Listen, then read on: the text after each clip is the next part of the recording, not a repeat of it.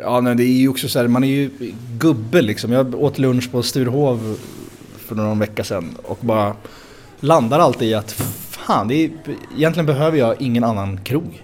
Det är allt, det är, det är de rätterna som finns, gör dem så jävla bra, det är så klassiskt och perfekt.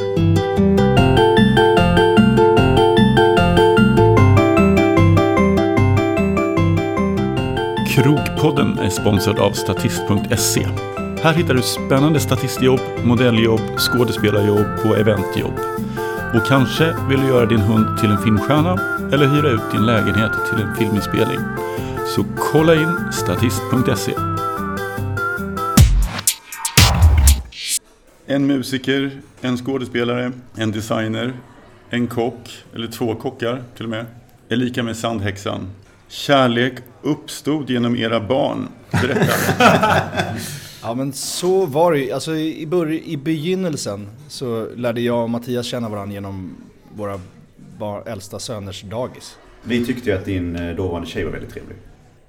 Va? Ja, det var ju därför vi liksom ville lägga in en stöd för att hon var så... Vi, vi tänkte Jaha, jag... Du verkade jag, mest sur. Ja, jag var mest Nej. sur. Okej. kommer det fram. Nej men sen så började vi i alla fall umgås med barnen. Eh, efter dagis och, liksom, och så började vi käka middagar och sen började jag och Mattias liksom umgås allt mer. Vi hade ju inte rikt, några riktiga jobb heller. Vi satt Nej. ju på efterlämning, satt kunde vi sitta i tre och en halv timme på Café Nero där i Hornstull. Ja, vi var lite frilans mellan jobb sådär. Och eh, började så småningom liksom fantisera om hur man skulle vilja att ens egna drömrestaurang skulle vara. Och, och så tänkte vi väl att det här kommer vi, det kommer vi aldrig göra. Mattias är jätteduktig designer och jag jobbar som skådis och sådär. Men ju, ju, efter ett par år liksom när vi hade suttit och pratat sådär så, så började jag märka på Mattias att det blev mer och mer skarpt liksom, läge för honom. Att han liksom kunde inte riktigt släppa det här.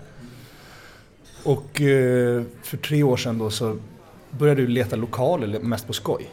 Men sen hittade han den här på Gästrikegatan som var ju en gammal cateringfirma. Med ett stort jävla kylrum på 25 kvadrat som bara stod mitt i allting som var helt bedrövligt. Men det, var, ganska absolut billigt. billigaste restaurangen som hade ett vettigt kök. Ja. Det var ju det. Eh, och sen så bara fick jag och Frippe ett sms liksom. Och jag, jag kommer köra på den här jävla lokalen, är ni med?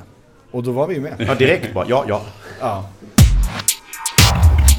Vi snackade om det tidigare idag. Att det är jävligt roligt att gå ut på de här krogarna som inte har någon liksom... Där man inte har några större förväntningar. Om man är ett större gäng som går ut. Då Ja. gillar vi ju Ping. Ja, Pings, alltså shoutout Ping Sakuras på Lunkmakargatan. Hon är ju, alltså det är, det är value for money och det är show for the money också.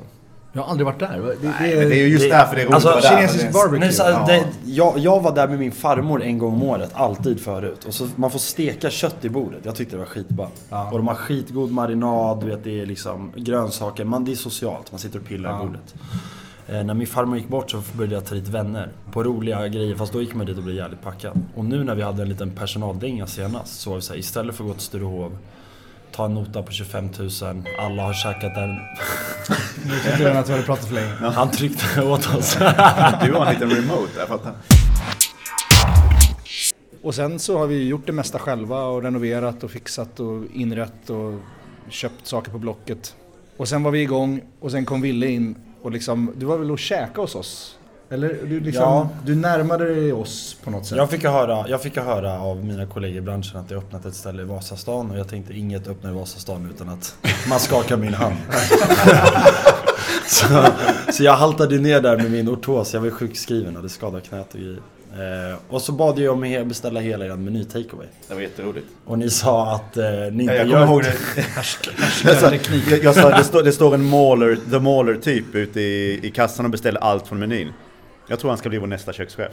Det var det första, det första vi sa. För då sa du att du jobbade som kökschef. Ja, det bästa var att jag, frå, jag frågade er att jag vill ha allt från menyn, jag ska hem och testa det här med min sambo och eh, min dåvarande sambo. Jag sa jag vill ha takeaway. Och så vänder, vänder du dig om och går in i köket och frågar som ett fromt lamm så här. Är det okej med takeaway? Så hörde jag så här. Och då kom du ut och så sa du att det inte gick. Då frågade jag så här, vem är det som äger restaurangen? Och då sa du jag. Då sa jag, då är det väl du som bestämmer om jag kan få det eller inte.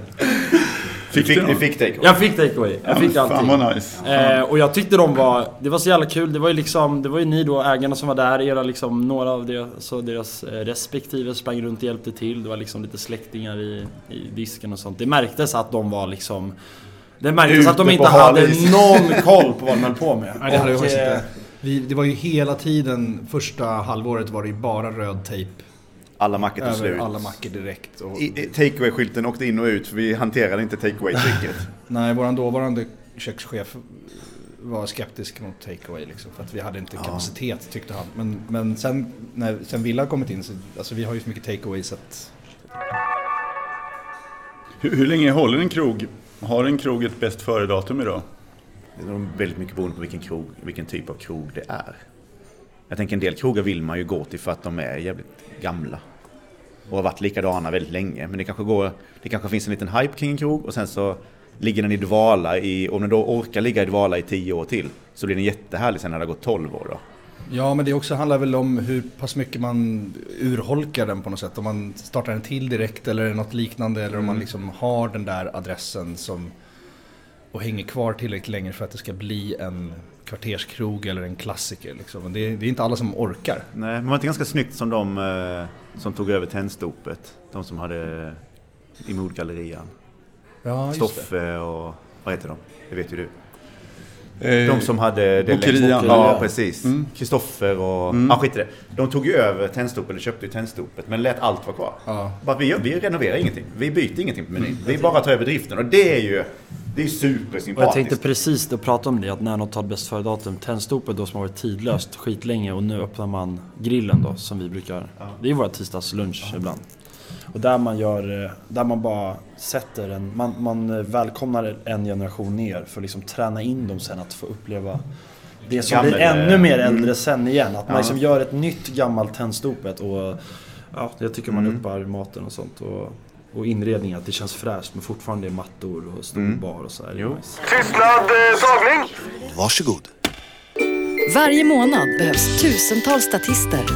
Statist.se har uppdrag till dig som vill vara statist, skådespelare, modell eller tv-publik. Hitta ett roligare jobb redan idag på statist.se. Tack så mycket. Där satt den. Varför mackor? Ville du få ta den? Du har tagit den minst antal gånger. Eh, grabbarna kunde inget annat. Nej, det är faktiskt 100% sant.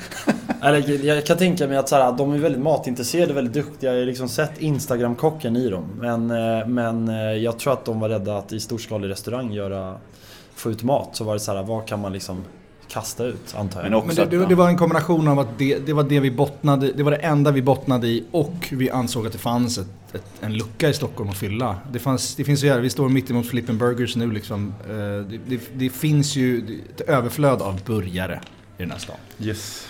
Det finns en annan Och pizza mackor, också. Ja, och pizza och finpizza och eh, burgare. Och, men vi tyckte att mackor, alltså ett utpräglat mackställe, så som en, inspirationen var väl lite så här Cats Deli och lite New Orleans grejer som sandwich shops.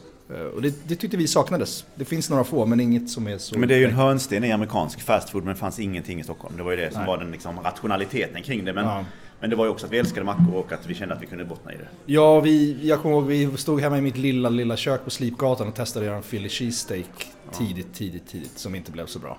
Nej, jag spydde ju en- av den. Ja, just det. Ja. Det gjorde du. ja, det gjorde jag. Sen blev det, har det aldrig blivit en Philly cheesesteak på. Nej, men det var ändå lite så här, kände så här, okej, mackor. Vi, jag och Mattias kan stå och experimentera med mackor.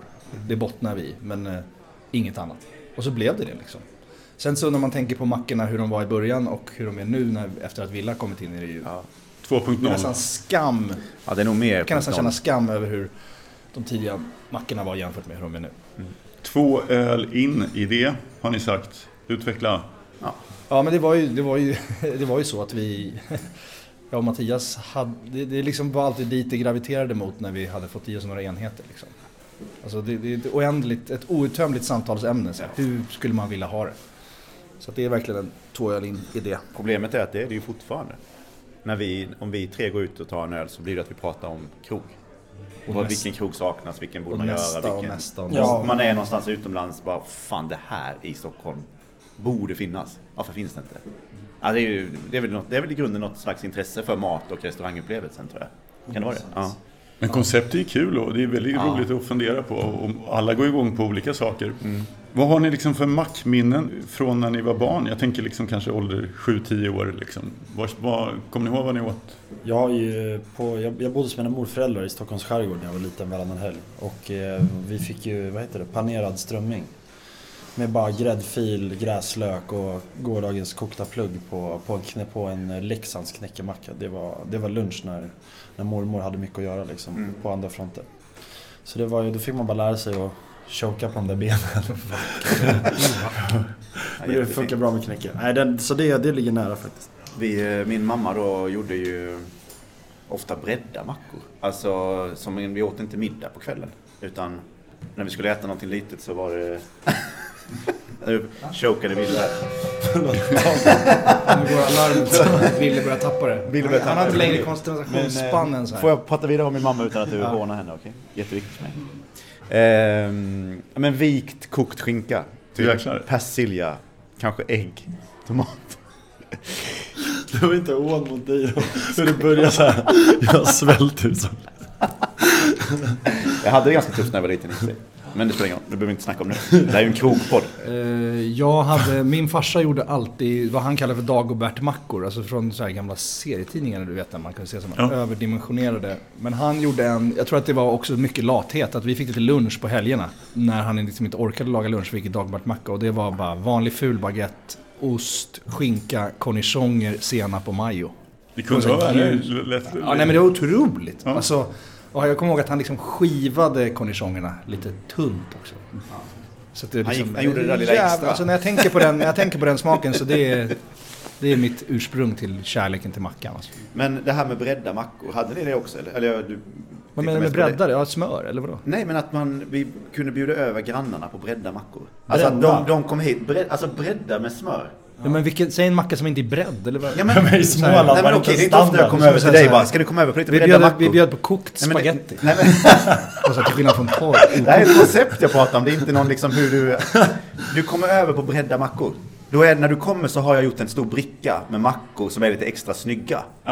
En, en salladsskiva. Typ, eller? Salt och ja, bröd. Salt och, typ så, bröd och smörrebröd. Fast jag skulle, jag skulle ändå dra mig för att kalla dem Ja, ja, för okej. smörrebröd. Ja, jag fattar. Det är absolut... Rätt vanliga mackor, men någon har gjort jobbet att berätta dem åt dig. Ja, okej. Mm. Ja. Det är in- ingenting som känns igen som en gästmat liksom. Nej. Som en eh, dekonstruerad smörgåstårta kan man säga. Nej, men... Nej, eh, okej. Det kanske bara var i... Tackar. Tackar. Det är någon timer på den där. Jag har ingen faktiskt, men den känner jag av. Det är liksom så här, eh, var nog artificiell, var artificiell intelligens. Receptiv. Bredda mackor. Jag ska fan ta tillbaks det till Stockholm. Ja, gör det. Har ni något förhållande till Skogaholmslimpan då? då? Ja, men det har man. Det har man. Det har vi väl alla egentligen. Man kan ju trycka Alltså, ihop en- den på något roligt sätt. Liksom. Det har jag liksom förstått. Det är jävligt gott när man har bara med lite eh, ost på helt enkelt. Ja, mycket smör och ost liksom. Och doppa i O'boy kanske. Och det är ju... På något sätt när man blev vuxen så var man ju tvungen att lämna Skogaholmslimpan därhän för att man förstod ju att det är ju bara massa sirap. väl. Och därför är den så god. Det är så mycket socker i. Jag läste på lite här om bröd och alltså så här, Baguetten har vi ju snackat lite nu om, här, men panrish, liksom, det är något svenskt, eller hur? Liksom, det, det, det är inte franskt egentligen, eller har ni, något, har ni något förhållande till det? Eller? Ja, men det har jag. Jag hade en moster som bakade pain riche som var jävligt goda. Det är ju bra att de är så, eh, inte har så mycket skorpa. För det har väl inte pain riche på samma sätt som Jag en vet, baguette? jag, jag vet nog inte ens riktigt vad panrish är. Är det en baguette? Ett långt bröd men lite mjukare än en baguette. Men säga. ciabatta? Nej, nej, långsmal liksom. eh, Vete... Det var väl ett bröd som Tore Wretman gjorde på Riche, var det inte det? Ja, men något åt det Ja. hållet. Aha. Eh, Med lite saffrön på liksom. Ja, men som en, som en avlång, väldigt mjuk, lite gräddad. Lite mindre baguette liksom. Ja, precis. Mm. Eh, men det skulle jag, det, där, det, det däremot skulle vi kunna göra en macka på pain riche alltså. För att eh, just det här att det är så fluffigt och mjukt, det är ju det vi gillar ofta i bröd. Som är svårt att hitta när vi jobbar tillsammans med duktiga bagare liksom. För de det blir lite för komplicerat. Vi behöver det här riktiga fulbrödet ibland för att kanske knyta an till Skogaholmsvibben lite i det här. Oh, man behöver inte tugga det helt enkelt. Man kan gom, gomma det. Där har vi ju gått också lite hela varvet runt med brödet. Att i början var vi väldigt måna om att liksom brödet skulle vara från ett exklusivt bageri och väldigt ambitiöst. Och, sen så, och bakar själva och sen landar vi ganska mycket i att nej, alltså ingredienserna är viktigare och brödet är bara fluff. Man måste i alla fall släppa idén om vad som är finbröd och fulbröd. För Ja. att Ja, verkligen. Jag kommer läsa en kort artikel här från Svenska Dagbladet och ni ska få gissa vilket år den är skriven. De små bagerierna som bakar riktigt surdegsbröd utan tillsatser blir allt fler. Folk står i kö för att köpa dagsfärskt limpa och priset på 80 kronor avskräcker inte. Jag vet Vilket exakt år? vilket år är kan jag säga. 2017. Nej, det är tidigare. Sant. Eh, Det är, det är 2014. 2009. 2009? 2009. Alltså, jag, jag tänker så här, var, var surdegsbrödet nu, var det liksom lite brödets renässans? Liksom var det, blev brödet, kom det in liksom i finrummet då? Ja men eh, det känns väl som att det var, det, det fick en pånyttfödelse. Vi har ju aldrig varit några fans. Jag, jag får så här pinsamt låga poäng när jag kollar på det här På spåret. Jag vet inte varför jag berättar det riktigt men, men det, det jag vill komma till, så här, Sandhäxan. Det tog ju liksom några, någon dag där innan jag förstod liksom ordvitsen. Eh, funkar det som ett intelligenstest? Det är vattendelare i alla fall. Vissa fattar det direkt och andra fattar, fattar absolut inte. Och vissa blir glada när de förstår innebörden och vissa tycker det är jävligt dumt och fånigt. Ja. Eh, ordvitseri. Ja. Eh, och så här, ibland så kan jag, ibland så kan jag tänka på namnet ibland så här objektivt igen. Och tänka, fan vad dumt. ja. Alltså, det är Fan vad dumt. det. Ibland tänker jag nästan att det är bättre innan man kommer på varför det heter Sandhäxan. Ja. ja. Eh, Men sen när man kommer på det då så blir det lite... Ja, men jag, jag ger tumme upp. Ja, Jag tycker det är bra. Jag får nog bild av en sån här anime, alltså lite spirited away, en häxa som försvinner Ja. i ett så här, en desert storm bara. Ja. Och liksom, hon är inte ond, hon är inte god, hon liksom bara... Hon ser till att det finns grejer på bordet bara. Vi, prat, vi pratar ju mycket om just häxan på Sandhäxan. Eh, att hon har liksom varit stolpe in många gånger liksom när vi har köpt någonting på Blocket. Ja men det är lite så. Men jag, jag tänker lite på, när man till exempel pratar om viner så pratar man om djurviner. Och då kan det också vara liksom en reminder så här, ja men köp det där vinet med det där djuret på liksom. Att man kommer ihåg Just, det. stället. ja men det är nog lite så man kommer ihåg det ja. Döper du en krog till ett, något vackert franskt namn. Jag har någon grannkrog där som, som jag vet att den heter Lilla Grisen då på, på svenska översatt. Men vi har väldigt svårt att höra, komma ihåg liksom det här, Mm. det franska vackra namnet. ja men det är väl lite så. så jag var åt på jättebra ställe som heter Anime eller Animo. Animo. Där, där, du- b- b- för ett exempel. Jag- jag bor där. ganska generiskt namn. Så Animo, vad betyder det? Vad, vad är det? Var det där vi var ihop? Ja just det. Ja. Du kommer inte ihåg så mycket från den visst. Nej, men ingenting. men det, det, alltså, namnmässigt bara så är det ganska generiskt och intetsägande. Men maten var svingod. Jag bor där 17.30 idag. Oj, vad trevligt. Men du var, du var nöjd? Ja, säg var säg inte att du har träffat oss bara.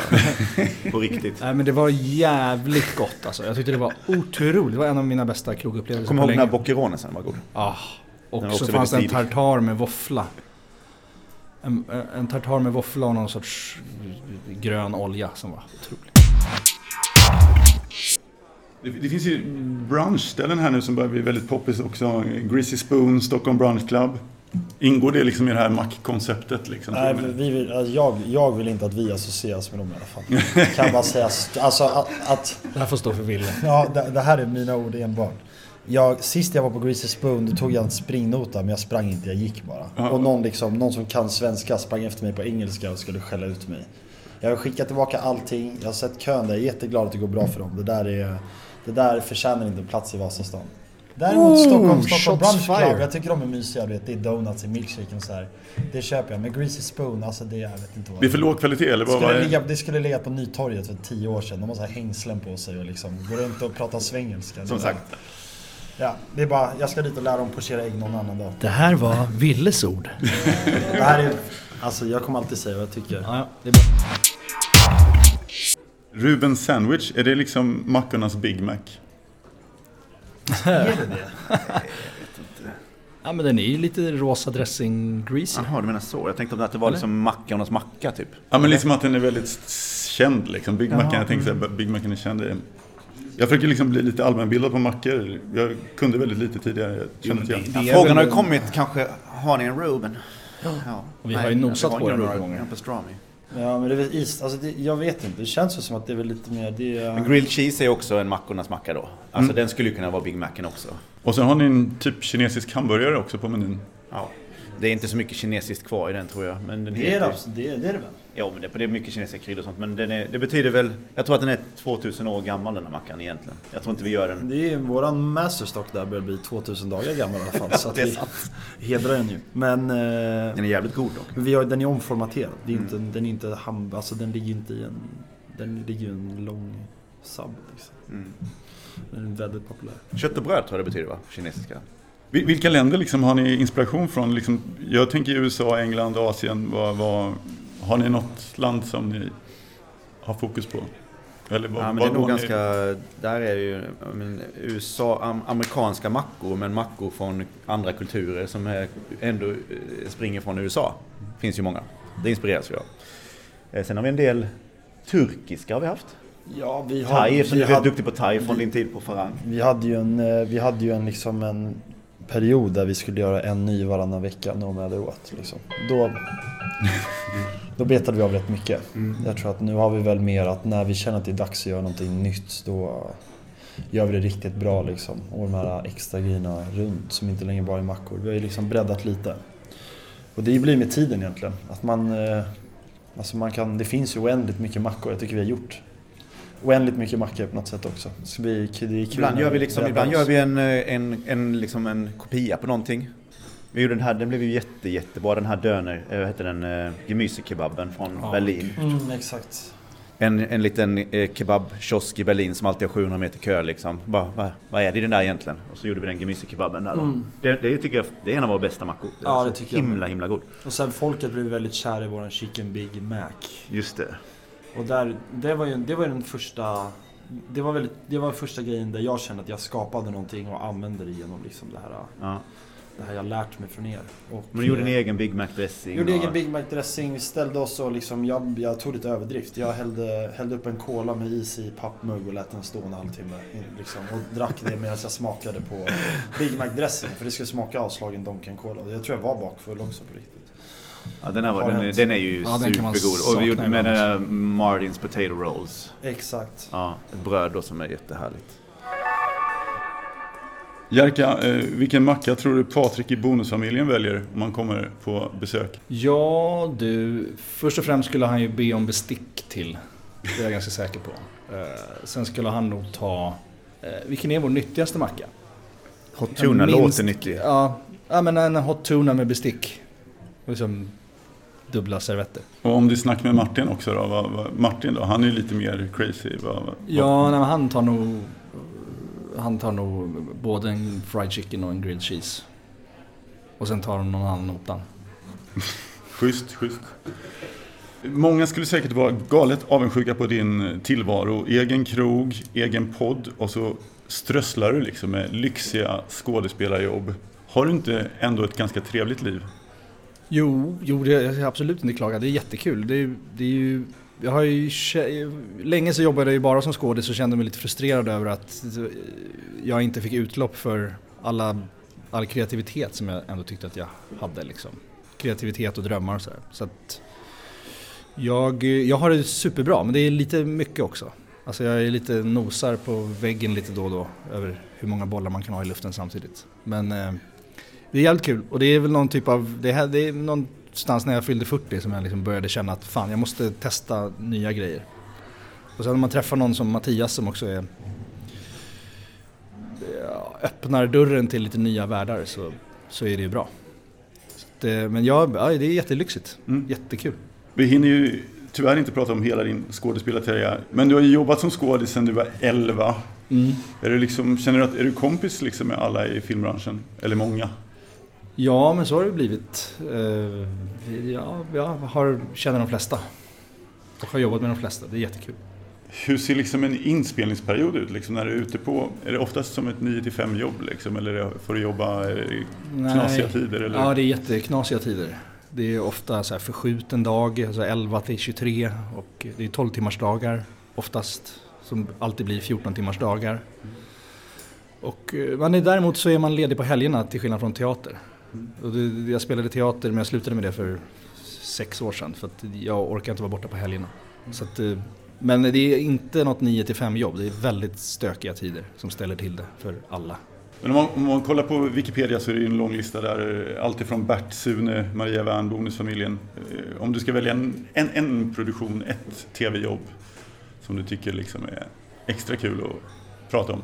Ja men det är nog ändå Bonusfamiljen för det är det som jag tror har betytt mest för mig liksom, personligen och karriärmässigt. Att Bonusfamiljen har haft sånt himla genomslag och vi har kört snart i tio år. Precis gjort en långfilm på tv-serien. Och, eh, Kommer till jul va? Ja, precis. Och det är väl den rollen som jag känner att jag på något sätt ligger mig närmast. Jag är ju ändå någon sorts, Patrik är någon sorts skuggsida av mig själv. Om du blir stoppad på stan eller någon vill prata med dig, är det just för Bonusfamiljen då oftast? Eller? Uh, oftast, skulle jag säga. Du är, är lite kompis också, hörde jag, med de härliga psykologerna här i, Bonusfamiljen. Ja. Jo, Johan och Ann. Ja. Är de liksom, eh, de har betytt en del, du- får lite så här, Ja men eh, Ann hjälpte mig att komma in på scenskolan, hon var min liksom, lärare. Jag tog privatlektioner hos henne för att söka in. Så att hon betyder mycket för mig, men framförallt Johan Ulveson och jag är goda vänner och han är också väldigt matintresserad. Så vi, vi pratar, varje gång vi filmar så, så fort vi har en paus så pratar vi bara mat. Det är det enda vi egentligen har att prata om, förutom skådespeleri. Så vi, vi pratar väldigt mycket mat. Han, han brukar också, han brukar också gå på Häxan och älska det. nice. Sen lä- läste jag där om eh, Gösta Ekman, eh, att han var lite som din nestor under något år. Det, det känns ju stort alltså. Ja, men det var mäktigt. Det var ju ett magisterår på Dramatiska högskolan som jag slutade på Stadsteatern för att plugga ett år. Och då var han liksom storchefen. Så gick vi sida vid sida med honom i ett år. Och det var fantastiskt. Lärorikt och kul. Du har också nyligen varit med och skapat, regisserat och skrivit manus till Alla utom vi. Ja. Hur var det? Ja, det var jättekul. Det var också en sån här grej som jag kände att jag ville pröva liksom. eh, Förutom att starta krog och sådär. Så kände jag att jag hade ett behov av att testa och regissera. Så då gjorde jag det. Och det var skitjobbigt. Och eh, smärtsamt på många sätt men också väldigt kul. Ja, fan vad grym du var som gjorde det där. Du var fan grym alltså. Ja men det var, det var mäckigt men det var jävligt kul. Och jag ska göra det igen om några år kanske. Måste Men mäckigt, var det tidsmässigt eller tog det Ja, mycket men kraft? Eller vad? tidsmässigt och tog jättemycket kraft och eh, till skillnad från när man är skådis så man, dyker man upp med och har lärt sig texten och bara kör. När man är regissör så måste man ha en sån paraply överblick på hela skiten och svara på tusen frågor om dagen och, och vara liksom den sammanhållande kraften och det var lite nytt för mig. Eh, Men det var, det var jobbigt men det var jävligt lärorikt och kul. Jag förstår att du liksom får svårt att få tiden att räcka till. Du har en podd också, Recept Tack. Mm. Skön, skön podd. Mm. Vad heter det? Hur kom du på idén med podd? Liksom? Var kom den ifrån? Nej men det var, vi blev tillfrågade faktiskt. Jag, det är min kompis Niklas som är gammal fin fine dining-kock. Som är också är tv-producent som är min kompis. Och sen så blev vi kontaktade av Perfect Day som sa Fan ska inte ni göra något ihop? Och då hade vi pratat lite om det tidigare så det passade ganska bra. Och så, så körde vi igång och hittade det där konceptet. För att både jag och han är Instagram-kockar som Ville kallar det. Och eh, då, då så får vi väldigt mycket frågor när man lägger ut så här recept tack. Eh, nästan lite passivt aggressivt liksom. Alltså, det förväntas att inte bara lägga ut fina matbilder utan att man även ska printa ut ett recept. Och det vet ju du Wille att det är det absolut tråkigaste som finns. Det är inte Att skriva ut recept. För man tappar också hela feelingen liksom. Men så tyckte vi att det var en rolig formulering och så fick podden heta det. Om du skulle hisspitcha podden, liksom, vad, vad säger du då? Eh, men det är en podd för hobby, hobbykockar som vill kanske behöver lite mer inspiration och få lite handfasta tips om hur man utan att vara professionell kock kan pimpa sin matlagning i vardagen lite. Ibland så studsar ni på saker som ni hittar. Till exempel, ni pratade mycket om hur en äkta carbonara ska tillagas. Det, det handlar ju om att vi, vi har ju pratat om carbonara i podden med Benjamin Ingrosso som är någon sorts death, death metal carbonara fan liksom. Och är jätteduktig på det. Och så förstår vi att det finns ju bara ett sätt att göra en riktigt bra carbonara och det kan vara väldigt noga med det om man ska gå efter så här romerskt recept. Liksom. Tänker du med, med griskinn då? Eller vad, liksom, Ja, guanciale är det va? Ja, precis. Griskinn. Eh, och så här fina ägg och liksom pecorino och inte parmesan och hej och hå.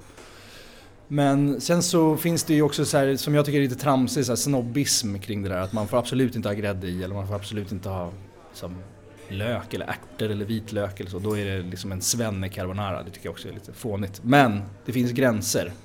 Och då hittade vi den här i Brösarp. Som har en carbonara med brunsås, räkor, kebab och liksom gamla paprikarester från pizza azteca. Och då kände vi att nej, här måste man ändå dra en gräns för vad som får kallas carbonara. Jag tvivlar inte på att Brösarps pizzeria har bra pizzor, men carbonara ska de nog ge fan i. Tystnad, eh, tagning. Varsågod.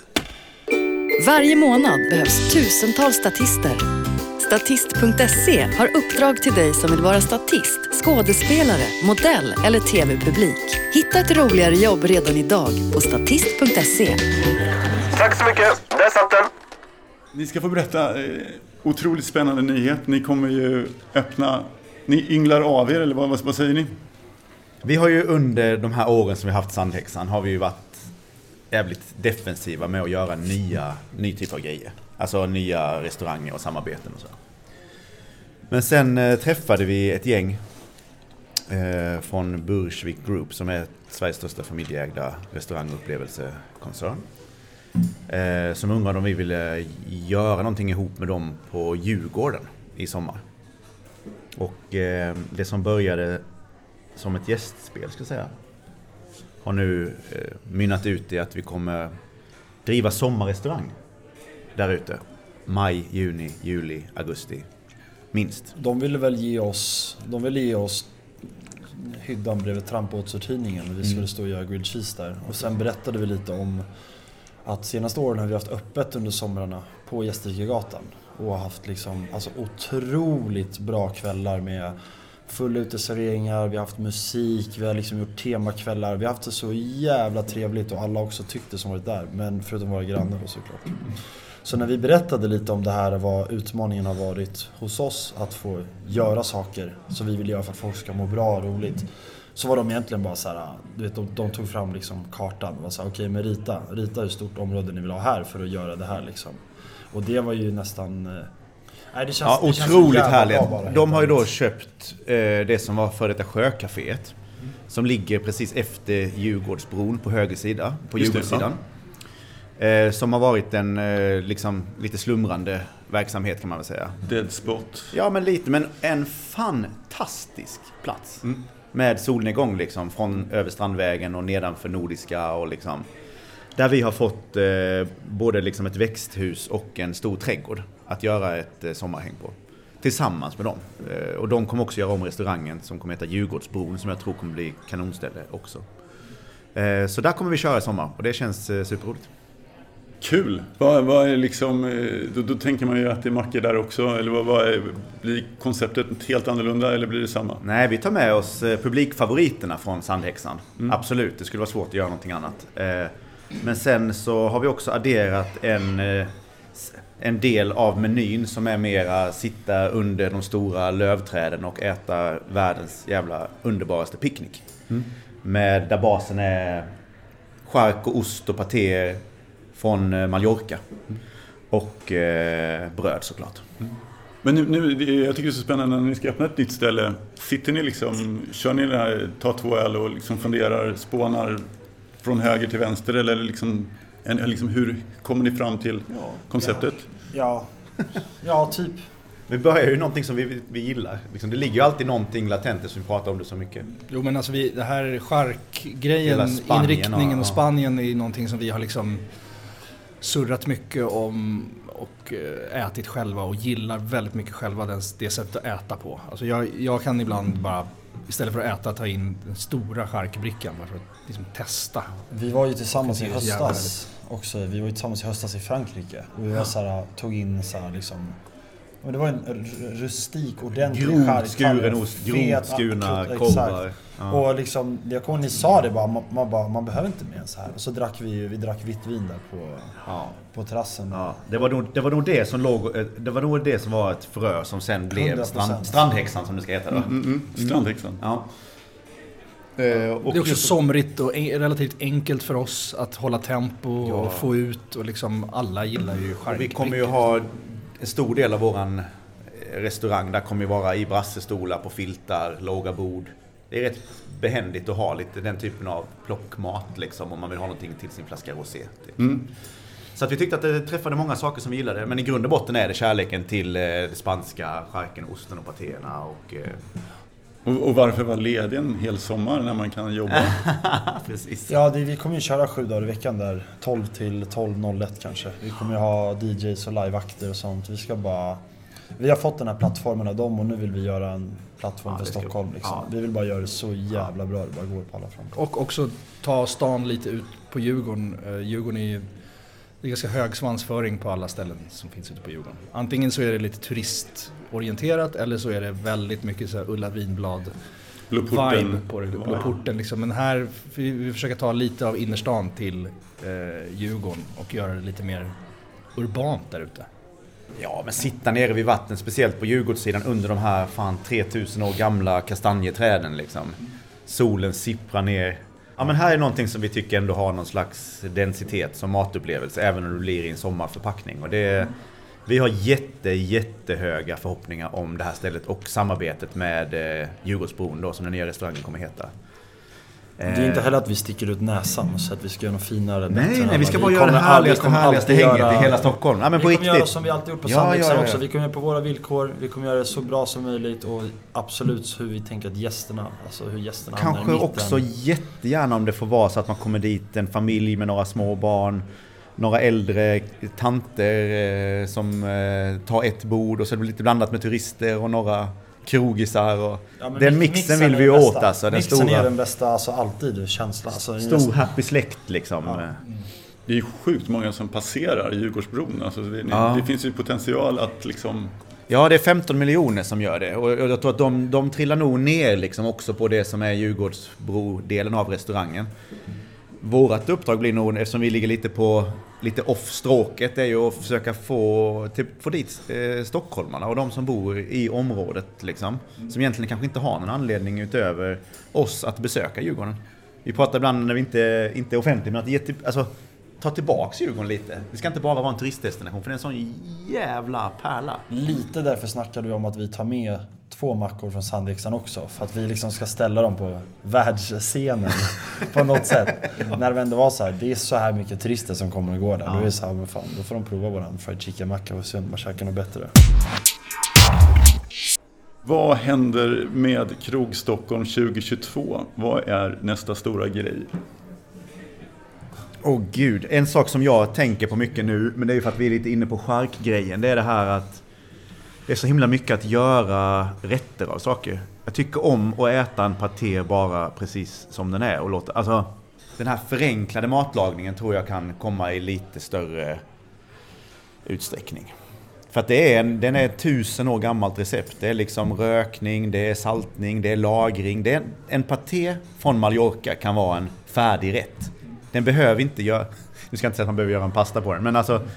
Den, den kan vara som den är liksom. Och det är, då, det är så den ska ätas. Så det tror jag att man kommer... Det är ett självförtroende där som jag tycker... Det tänkte jag lite när vi var på Aina. Aimo. Animo. Nej men de hade gjort, det var i och för sig Animo. väldigt gott. En, jätte, Animo. en jättejobbad eh, Boccherones toast. Ja. Men Boccherones bara är också Ja. nästan lika gott. Alltså, Den var i och för sig jävligt god. den var jävligt Men- god. det var ett dåligt exempel. Men ja, nej men och du menar en sorts back to basics Ja men alltså, våg, det låter så jävla... Det, för det, jag vill inte vara någon som säger att det, råvarorna är viktiga. Det, det kommer jag aldrig vara. Men alltså just det här att våga äta någonting så som det var tänkt utan att... Twista det. Twista det för mycket, tweaka det, ja. eller, ja nej, det är ju också så här, man är ju gubbe liksom. Jag åt lunch på Sturehov för någon vecka sedan och bara landar alltid i att fan, det är, egentligen behöver jag ingen annan krog. Det är allt, det är, det är de rätterna som finns, gör dem så jävla bra, det är så klassiskt och perfekt liksom.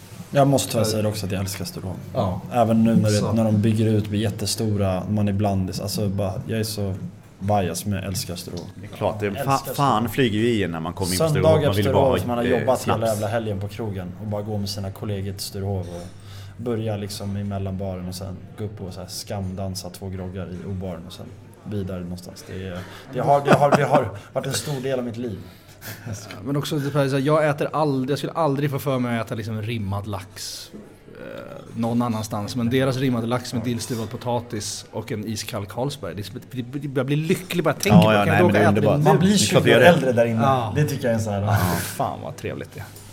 Och bra personal. Trevligt. Hörni, vad heter det? Jätte, super, stort tack för att ni kom hit och var med i Krogpodden. Det var kul ju. Ja, fett. Underbart. Ja, vad händer nu då? Nu ska vi till Djurgårdsbron. Ska jag göra 150 catering. Du ska med. Jag ska med. Ja. Jag ska med. Jag ska med. Vi ska ut och pejla läget. Ja. Tack så mycket. Tack själv. Tack snälla. Tack! Tystnad, eh, tagning! Varsågod. Varje månad behövs tusentals statister. Statist.se har uppdrag till dig som vill vara statist, skådespelare, modell eller tv-publik. Hitta ett roligare jobb redan idag på statist.se. Tack så mycket. Där satt den.